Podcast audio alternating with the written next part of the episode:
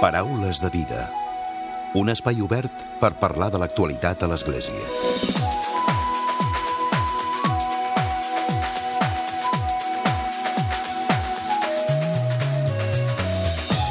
Què tal? Salutacions i molt bon dia, molt bon diumenge. Avui la nostra proposta és doblement solidària. Parlarem, d'una banda, de Mans Unides i de la seva important tasca, i és que aquesta entitat celebra els seus 60 anys de compromís de lluita contra la fam. Durant els mesos de gener i febrer s'han fet activitats per commemorar aquesta efemèride. El lema escollit ha estat Creiem en la igualtat i en la dignitat de les persones. Com ja és habitual, els integrants de Mans Unides continuaran treballant per acabar amb la pobresa i la fam al món, però aquest any del trieni serà amb l'eix promovent els drets amb fets que vol centrar-se sobretot en la denúncia d'una pobresa molt concreta, la de la dona. En parlem de seguida i ho fem en conversa amb el president de Mans Unides a Barcelona, Joan Martí.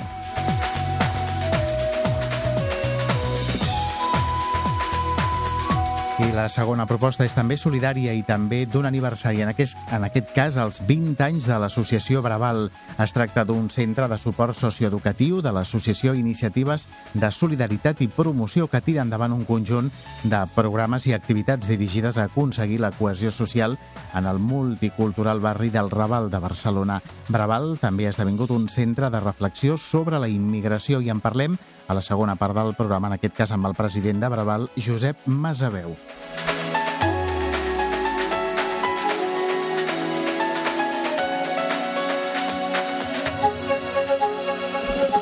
I acabarem el programa, com sempre, amb el comentari de l'actualitat de Francesc Romeu. Comencem.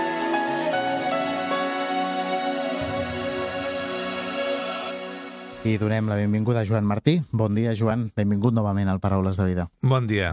D'aniversari aquest any, 60 anys de Mans Unides. Sí, més d'un aniversari tenim. A part del de 60 anys de, de l'existència de l'organització, aquest any també celebrem el desè aniversari d'un d'un festival, abans en deien concurs, ara en deien festival, de clipmetratges, que és una participació dels alumnes de totes les escoles de Catalunya que vulguin i puguin implicar-se amb, el, amb, aquesta, amb aquest festival.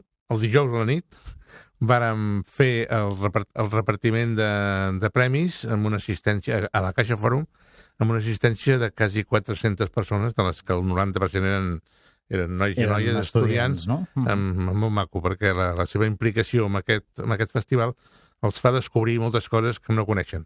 Mm. No solament del, del món sud pel que treballem, sinó inclús pel, pel món d'aquí, que també hi ha les seves moltes necessitats. Uh -huh. Ho vam iniciar-ho l'any 2008 aquí a Barcelona i vist l'èxit i la participació de, de la gent d'escoles, de la, dels nanos d'escoles, es va anar extenent per tot el territori i ara les 17 comunitats autònomes que hi ha a Espanya hi participen tots a través de Mans Unides del- d'aquest concurs. No? Llavors hi ha un acte final, em sembla que és a finals de maig, a Madrid, que, que es dona el Premi Nacional, per dir d'alguna manera, el millor climatratge i bueno, el bo és la participació i l'enriquiment d'aquesta canalla davant d'aquesta realitat. Recorda'm, Joan, molt breument, com és aquest concurs o en què consisteix? Aquest concurs consisteix en que un grup de, de, de nens, dirigits pel seu professor, eh, preparen un, Un treball? un, peti, un treball que és un petit clipmetratge de duració màxima d'un minut sobre un tema puntual i determinat. Normalment tot va al, al voltant de la fam i de, la, i de les realitats de- d'aquest tipus que hi ha, no? Però normalment és fam. Aquest any està molt, molt, ha sigut molt implicat amb el tema de la dona i la, i la implicació de la dona dintre de, de la igualtat de la dona, no? Uh -huh. que a mi no m'agrada perquè tu llegeixes alguna cosa, sents alguna cosa i sempre diuen sí, sí, perquè tenim que lluitar per la igualtat de l'home i la dona. Jo ho diria sempre al revés. Tenim que Igualtat de la dona. De la dona i l'home. I per aquest ordre? Perquè és, Sí, perquè així ja es començaria no? a fer aquesta Exacte. igualtat, no? a promoure És- aquesta igualtat. és una, un... Uh -huh. Per tant, aquest, eh, el concurs ja està tancat. Sí, està tancat, sí. Uh -huh. Amb els 10 anys de, com dèiem, d'aniversari, però parlem també de Mans Unides i d'aquest aniversari també dels 60 anys Sí. i, de fet, que també se centra en el primer trieni en la lluita contra la fam, però en el món de la dona. Uh -huh, exacte. Uh, aquest 60 aniversari hi ha diferents activitats que s'estan fent a nivell nacional i a nivell de Barcelona també. Nosaltres tenim programat, no sabem encara la data, però un concert de, de corals, de gospel, etc a la Sagrada Família. i després una romeria a Montserrat, que cada els 40 anys, els 50 anys, també vam fer-ho. I ara als anem- 60. I ara als 60 ho tornem a repetir, anem a- els, bisbes ens acompanyen, siguin una entitat com som d'Església, Uh -huh. i és un dia molt maco que anem a donar gràcies a la Mare de Déu que ens dongui força per seguir, per seguir treballant. I ara, com dèiem, 60 anys. De fet, heu tingut un inici d'any, gener i febrer, amb activitats, no amb diverses activitats, Sí, sí. per celebrar aquests 60 anys. Nosaltres mm, som una ONG de l'Església, llavors el segon dimarts de cada mes de febrer, de tots aquests 60 anys, les col·lectes de Les les, col·lectes. parròquies es, es destinen a, als nostres projectes, no? I després, el divendres abans d'aquest segon diumenge de febrer, es fa el sopar de la fam. Això, el sopar de la fam ja és molt famós. Que també és una tradició, que no? també és una tradició, no? Que, sigui, reunir-se un número de persones, que menges un tros de pa amb una mica d'oli o el que sigui, un got d'aigua, i el que et costaria un sopar avui en dia, doncs, no sé, no, no, no el de molt de luxe, però bueno, 10 o 15 euros es destina a la projecte aquest puntual de, de l'any que, que se celebra. Uh -huh. El lema és creiem en la igualtat i en la dignitat de les persones, no? I ara parlàvem de la dona, del feminisme, de la importància que també està agafant, no? La, Sí. la dona, la importància que es mereix, no? La dona dintre de la societat i en aquest cas també la lluita contra la pobresa i la fam, no? Doncs sí, és que la dona no solament en el món sud, i sinó també aquí, és la, la que ho lidera tot. La dona és la mare, és l'àvia, és la que va buscar la llenya, és la que cuina, és la que renta, és la que... I no se la té en compte d'ara. És algo increïble que pugui ser exactament aquesta, aquesta, el segle XXI, això, no? Perquè vull dir, en altres... Uh Però és que hi ha països que estan exigerada la, la, la, l'actuació de l'home vers la dona, que, que sembla mentida que no donin compte que són elles les que tenen el carro i les que fan que, que la societat estigui com està. Uh -huh. I la importància, per tant, no? que, se li, que se li dongui des d'entitats com, per exemple, vosaltres, Mans Unides. Nosaltres, en, en la Mans Unides, la van iniciar un grup de dones d'Acció Catòlica de fa 60 anys. És a dir, que les impulsores eren dones, Dones, a totes Mans dones. Unides. I durant molts anys sempre ha sigut una entitat de dones. D'un anys cap aquí, no recordo quants, però d'un anys cap aquí, Liderat per dones. i liderat per dones, sí, sí. no? A més a més, els nostres estatuts, tots eh, estan, els càrrecs estan posats en femení. I no, o sigui, jo sóc la presidenta diocesana de Barcelona. -huh. És a dir, l'original, el... Sí, sí, sí, l'original dels estatuts està en femení. L'únic que està en masculí és el conciliari. Però els altres, tots en, per la mentalitat amb el aquella que... femení. Sí, amb el pensament femení. Ah. Cosa fantàstica, no? Ah. I nosaltres actualment dels 72 eh, 72 delegacions d'Espanya, només 14 f- estem de presidents homes. Homes, El reste de delegacions són dones. són eh? dones. Sí, sí. I, fantà I fantàstic, en el cas meu, de col·laborar amb elles, eh? perquè moltes vegades Uh -huh. et donen solucions i, i, I- objectius molt millors. I ara que recordo aquest any amb les eh, testimonis del sud, que també venen a principis d'any, que ens va acompanyar una d'elles, la Lupita Sí, Zúñiga, eh, crec que ara el, el nom, sí. que també eren dones, no? O sigui, aquest any també han vingut dones a presentar la campanya, les no? dues missioneres que han vingut, sí, ha vingut la Lupita i ha vingut la Diana. La Diana és La una, Diana no ens va poder acompanyar al programa per qüestió d'agenda, però Sí. sí. que la Lupita va venir. tant una com l'altra. És que cada any eh, això a nosaltres ens dona molta força i ens, ens anima molt, perquè el testimoni de la persona que està treballant allà i, i com t'ho explica i els resultats que hi han et dona ànims per seguir treballant el poc que fem aquí per ajudar-los amb ells allà. bueno, el poc que feu, no? perquè també feu molta feina, molta difusió i la conscienciació, no? perquè la gent al final acabi fent l'aportació, no? Exacte, sí, sí. Nosaltres els nostres objectius són aquests. Un, eh, conscienciar el, a la població de, de la realitat quina és i l'altre, doncs, recollir diners per poder finançar aquests projectes de desenvolupament que som els que portem a terme doncs, a, a l'educació, a la salut, a la promoció de la dona, a plans agrícoles, etc. Crec, i abans de, abans d'acomiadar-te, Joan, també per aquest any, ai, per aquest any, per aquesta època sempre hi ha també les passions que des de fa uns anys també són solidàries, no? També Sí. hi ha representacions de la passió que els diners es destinen a mans unides. Part dels diners. Part dels Part diners. dels diners. Fa tres anys que vam, va sortir aquesta, aquesta idea de col·laborar. Clar, nosaltres som una, una gent de- d'església, per tant, la nostra clientela són els que també Les segur- parròquies i els creients, no? Exactament, les parròquies dels clients i, i els que van a veure la passió eh, També. concretament d'Esparreguera, no? I fa tres anys que... Es va iniciar bueno, la, la col·laboració. I, I molt bé, molt bé. Hi ha molta gent, el, els grups que van a nom de Mans Unides tenen un descompte especial i part, un tant per cent determinat de l'entrada, va destinada al projecte d'aquell any. Uh -huh. I, bueno, és I una... ara ja aviat, no? Són les representacions? No, ja ha començat. Ja han començat. Ja ha començat. El 10 de març va ser la primera Uh -huh. i acaba, em sembla que és el 2 de maig, no, no me'n recordo de memòria, però És a dir, que ara és estem en el període de, ara estem en el de període que, representacions. que cada diumenge on alguns caps de setmana el dissabte a la tarda es fan les representacions. Uh -huh. Joan, abans d'acabar, quin seria el, el repte que teniu per endavant amb Mans Unides pels propers mesos? Pels propers mesos nosaltres és eh, intensificar les activitats per, per celebrar aquest 60 aniversari, perquè la gent sàpiga que hem estat 60 anys, com deies tu abans, eh, treballant, lluitant. treballant i lluitant per, per no per aconseguir-ho, perquè encara no ho hem aconseguit, però amb la idea d'aconseguir de, que la fam d'aquest món es pugui solucionar. Uh -huh. No s'ha aconseguit, però sí que com a mínim feu que la vida de moltes persones sigui més fàcil, sí, no? Sí, això sí, gràcies a Déu, sí. Nosaltres amb aquests, amb aquests 60 anys hem, hem, hem finançat 30.000 projectes diferents, dels quals molts d'ells són construcció d'escoles per l'educació de la canalla, centres eh, de salut pel, pel tema de, de les malalties a raó de la falta d'aigua i de l'aigua que veuen i del, dels còleres i tot el que agafen, pobres, i, eh, ja dic, ha sigut 30.000 projectes, no recordo la xifra, però aproximadament nosaltres actualment cada any destinem uns 50 milions d'euros als nostres projectes del món sud. És a dir, que és una quantitat important. Molt important. Que nosaltres, a part de l'aportació de l'Església que deia abans, també tenim quasi 80.000 socis. I és la, la vostra força, no?, també, els socis. Força.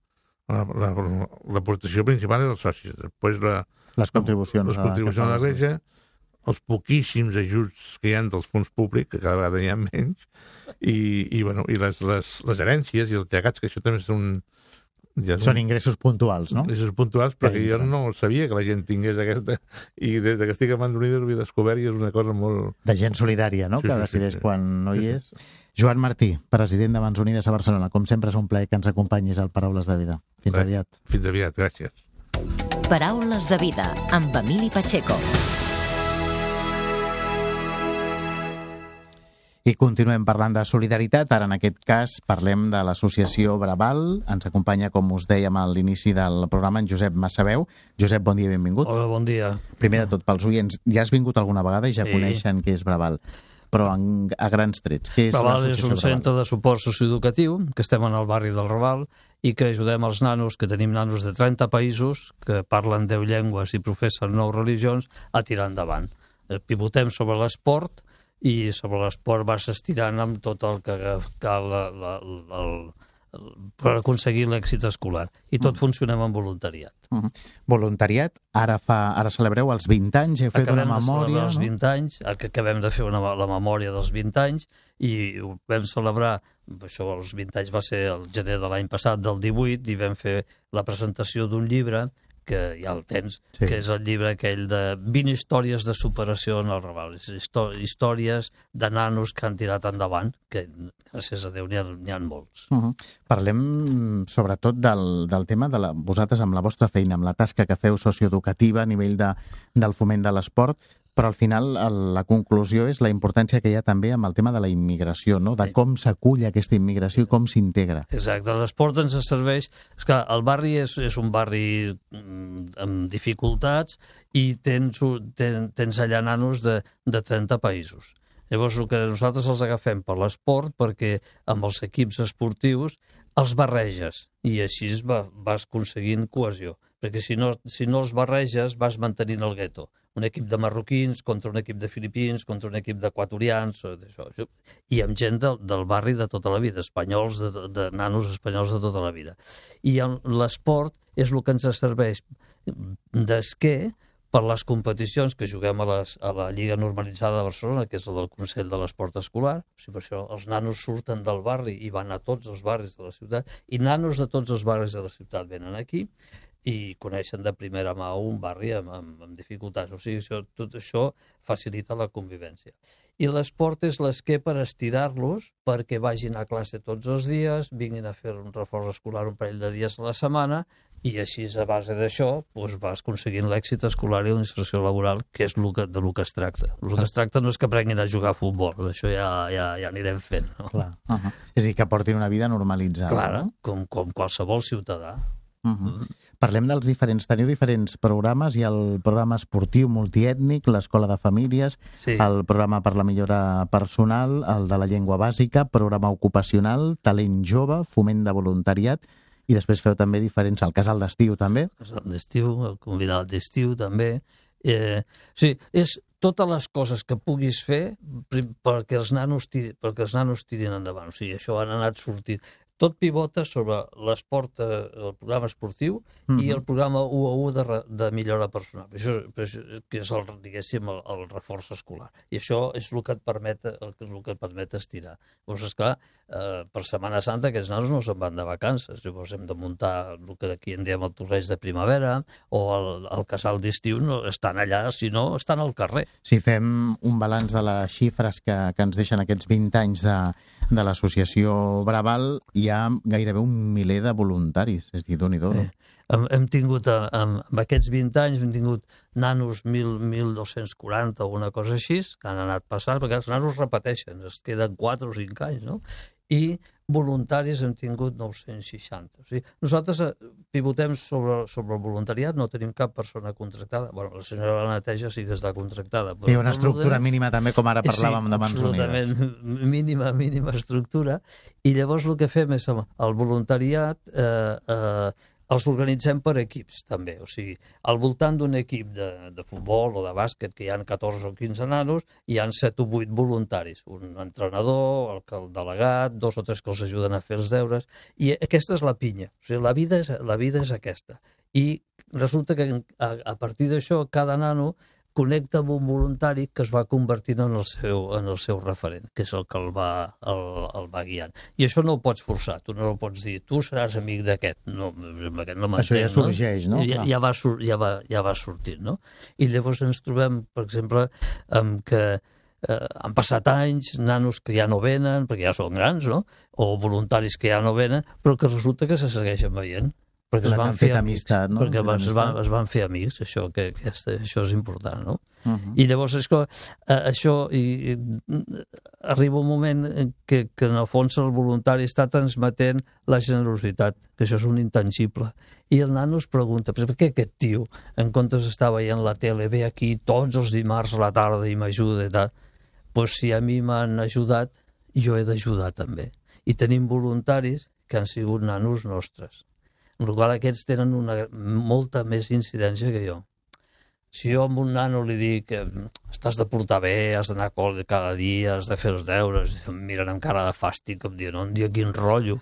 Ja ho entenen, que aquest és el meu rol. Però ara, si això li diu un tio que és com ell, del seu país o d'un altre país, que viu en unes condicions com ell i que, ep, ha acabat la carrera i té feina, eh, Clar, són un referent, no? si, si tu ho has aconseguit, jo també ho aconsegueixo, no? I amb aquests eh, 20 anys, doncs, amb 14 nanos han acabat la carrera universitària, ara en tenim 10 a la universitat, té, i mm, han fet batxillerat 100 i pico, i formació professional, i 340, o no sé quan diu aquí en la memòria, eh, estan treballant, quasi 400, em sembla, estan treballant amb contracte. I, Això i són èxits, exacte. Sí, sí, 375 que treballen amb un contracte. i això és, eh, clar, això, això és la vida. O sigui, si no aconseguim això, tasca, clar. si no aconseguim això amb, amb el temps, eh, estem, estem, amb una, estem creant o ens sortirà una societat receptora. Dóna'm això, dóna'm això, dóna'm educació, dóna'm menjar, dóna'm roba... Bueno, i tu què fas pels altres, saps? Clar.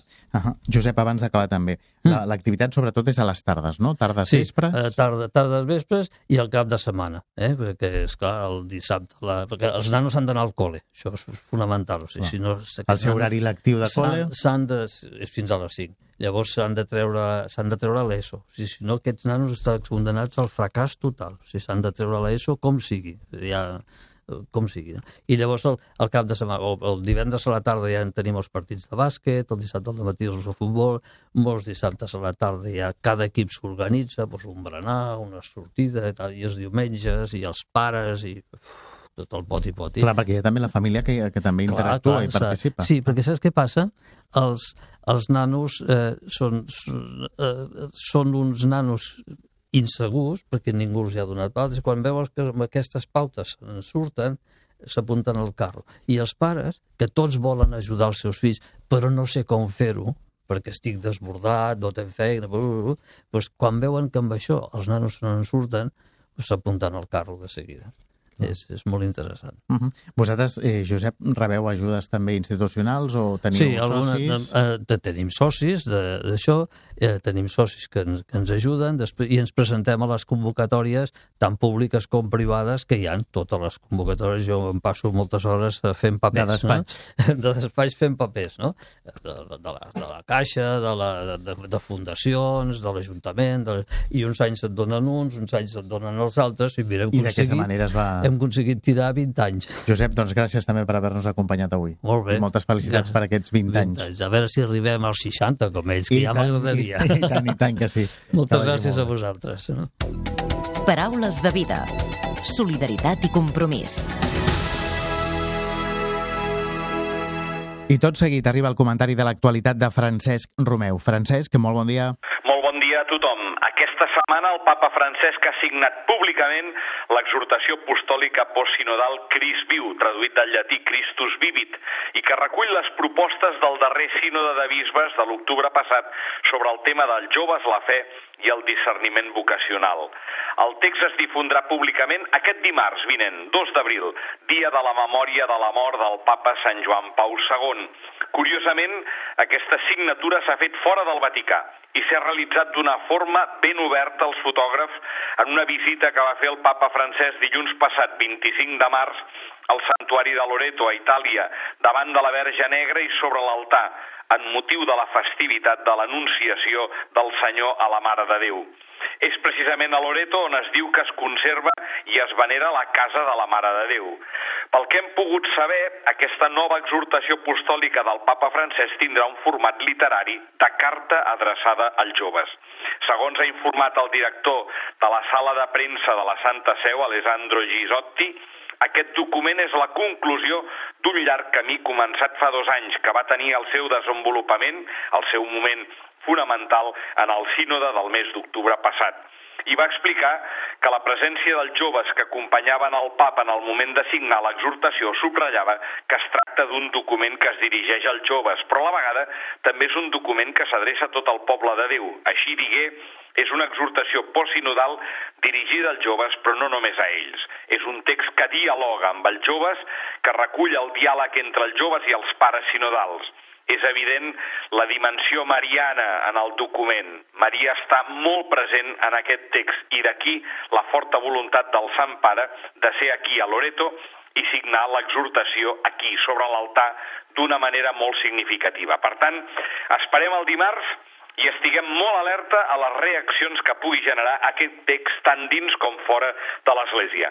Per acabar, també em vull referir a la beatificació del laic Marià Mullerat i Sol de Vila, pare de família, metge i alcalde d'Arbeca, assassinat al tren, als 39 anys per les seves conviccions cristianes a l'inici de la Guerra Civil, el 13 d'agost del 1936. La celebració es va fer a la Catedral de Tarragona el dissabte de la setmana passada, 23 de març, i va ser presidida pel cardenal Giovanni Angelo Becchiu, representant del papa Francesc i prefecte de la Congregació per les Causes dels Sants, i concelebrada per l'arcabisbe de Tarragona, Jaume Pujol, i pel cardenal Lluís Martínez Sistac, arcabisbe emèrit de Barcelona, acompanyat per la majoria de l'episcopat català. Entre els concelebrants també van ser els dos bisbes auxiliars de Barcelona, Sergi Gordo i Antoni Badell, els abats de Poblet i Montserrat, Octavi Vilà i Josep Maria Soler, respectivament, i el representant dels postuladors de Roma i Tarragona, el bisbe auxiliar de Madrid, Juan Antonio Martínez Camino, el vicari de l'Opus a Catalunya i Andorra, Ignasi Font, altres membres capitulars i nombrosos preveres de l'arxidiòcesi de Tarragona. Per aquest motiu, Diumenge passat, 24 de març, a l'endemà de la beatificació, es va celebrar a l'església parroquial de Sant Jaume Apòstol d'Arbeca una missa d'acció de gràcies presidida per l'arcabisbe de Tarragona, Jaume Pujol. En l'homilia, l'arcabisbe de Tarragona va destacar que la seva beatificació honora tota l'església de Tarragona, però d'una manera particular i significativa honora la parròquia on ell va viure i celebrar la seva fe, i on va viure el seu compromís com a cristià. La parròquia per ell era la font on rebia la gràcia, la que el mantingué ferm en la fe fins al martiri. Jaume Pujol també va ressaltar que el Beat Marià va morir perdonant i el seu perdó és un do i una exigència per tots nosaltres. El missatge de la beatificació no pot ser un altre que el de la pau i la reconciliació. L'arcabisbe, en les seves paraules, també va tenir un record i una pregària especial pels seus convilatants que van ser morts junt amb ell. Josep Sans, Llorenç Sagarra, Manuel Pont, Joan Gras i Llorenç Vidal. I també va fer esment a mossèn Jaume Siurana, que va promoguer amb la decisió que li era tan pròpia la causa de la beatificació. I de la filla gran del Beat, que va morir fa poc, les altres tres filles del Beat Marià Mullerat sí que van poder assistir tant a la missa com a la beatificació. Molt bon diumenge a tothom!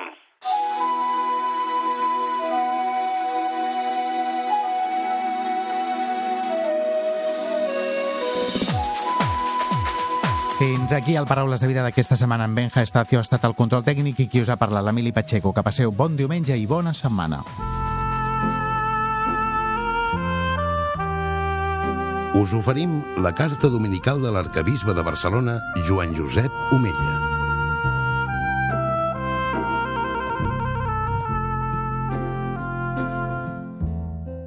Déu vos guard. A l'inici d'aquesta quaresma us proposava, entre altres coses, fer dejuni d'aigua, fent-ne un consum responsable. El dejuni ens ajuda a reflexionar i a valorar el que tenim de franc. En aquest sentit, us animava a utilitzar l'aigua amb seny, sense malbaratar-la. Més enllà del consum racional de l'aigua, existeix un greu problema de l'accés a aquest bé essencial. Segons dades de Nacions Unides, a una de cada quatre persones al món no els arriba aigua potable a la llar. El 8 de novembre de 2018, en una conferència internacional dedicada a l'aigua, el papa Francesc assenyalava que és indispensable promoure uns estils de vida responsables i solidaris que vetllin per assolir una ecologia integral, assegurar l'accés a l'aigua potable com un dret que brolla de la dignitat humana i considerar l'aigua un bé essencial i necessari i no pas un producte qualsevol que pugui ser objecte de mercantilització.